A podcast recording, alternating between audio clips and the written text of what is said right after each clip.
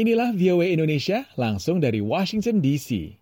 Warga kota New York kini tengah bergegas untuk melestarikan karya-karya seni lukisan di atas papan kayu yang melindungi toko-toko dari kerusakan yang terjadi pada saat adanya unjuk rasa ketidakadilan rasisme belum lama ini. Kisahnya dapat disimak dalam liputan ini. Kini dengan kembali dibukanya kota New York setelah PSBB akibat COVID-19, sebuah usaha untuk menyelamatkan pesan-pesan anti rasisme tersebut digalakan. Berikut adalah James Cavello, pemilik Westwood Gallery di New York City. The reason why we're preserving this art is because this is once in a lifetime something like this has happened and we're hoping that everyone has the opportunity to review the social message. Alasan mengapa kami melestarikan karya-karya seni ini adalah karena ini merupakan kejadian sekali dalam hidup. Setelah kejadian ini kami berharap semua orang akan mendapat kesempatan untuk merenungkan kembali pesan sosial yang tersirat di dalamnya oleh para artis yang ingin mengutarakan apa yang sedang mereka alami pada masa ini. James Cavello adalah salah satu pemilik sebuah galeri di Soho, sebuah daerah trendy di kota New York yang terkena vandalisme dan penjarahan cukup parah pada saat terjadinya aksi unjuk rasa secara nasional. Satu lagi kelompok yang sebagian besar terdiri dari para seniman pembuat karya seni unjuk rasa tersebut kini juga sedang berusaha melestarikan pesan-pesan mereka.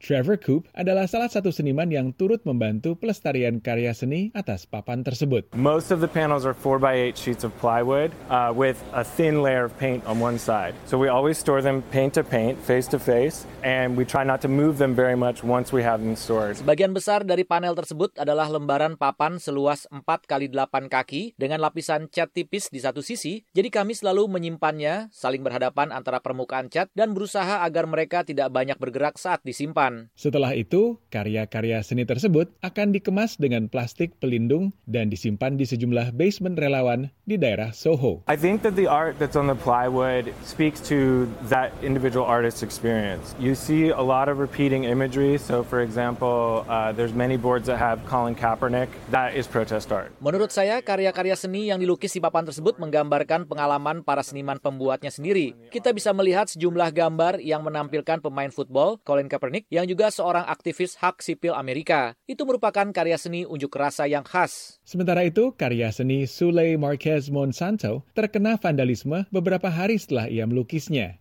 Kini ia sedang berusaha untuk membuat kembali pesan-pesannya agar dapat turut disimpan. 10 years from now, I hope that people can look at my image and see that now that uh, their grandparents, their fathers, cousins, uncles chose to take a stand. 10 tahun dari sekarang, saya berharap orang-orang akan melihat gambar-gambar yang saya buat dan menyadari bahwa kakek, ayah, paman, saudara-saudara mereka memilih untuk mengambil sikap. Satu lagi seniman yang turut berperan adalah Brandon McNally. Ia berharap pesan-pesannya dapat membantu membuat dunia ini menjadi tempat yang lebih baik untuk anaknya, Isabel, yang kini berusia lima tahun, dan juga orang-orang lain.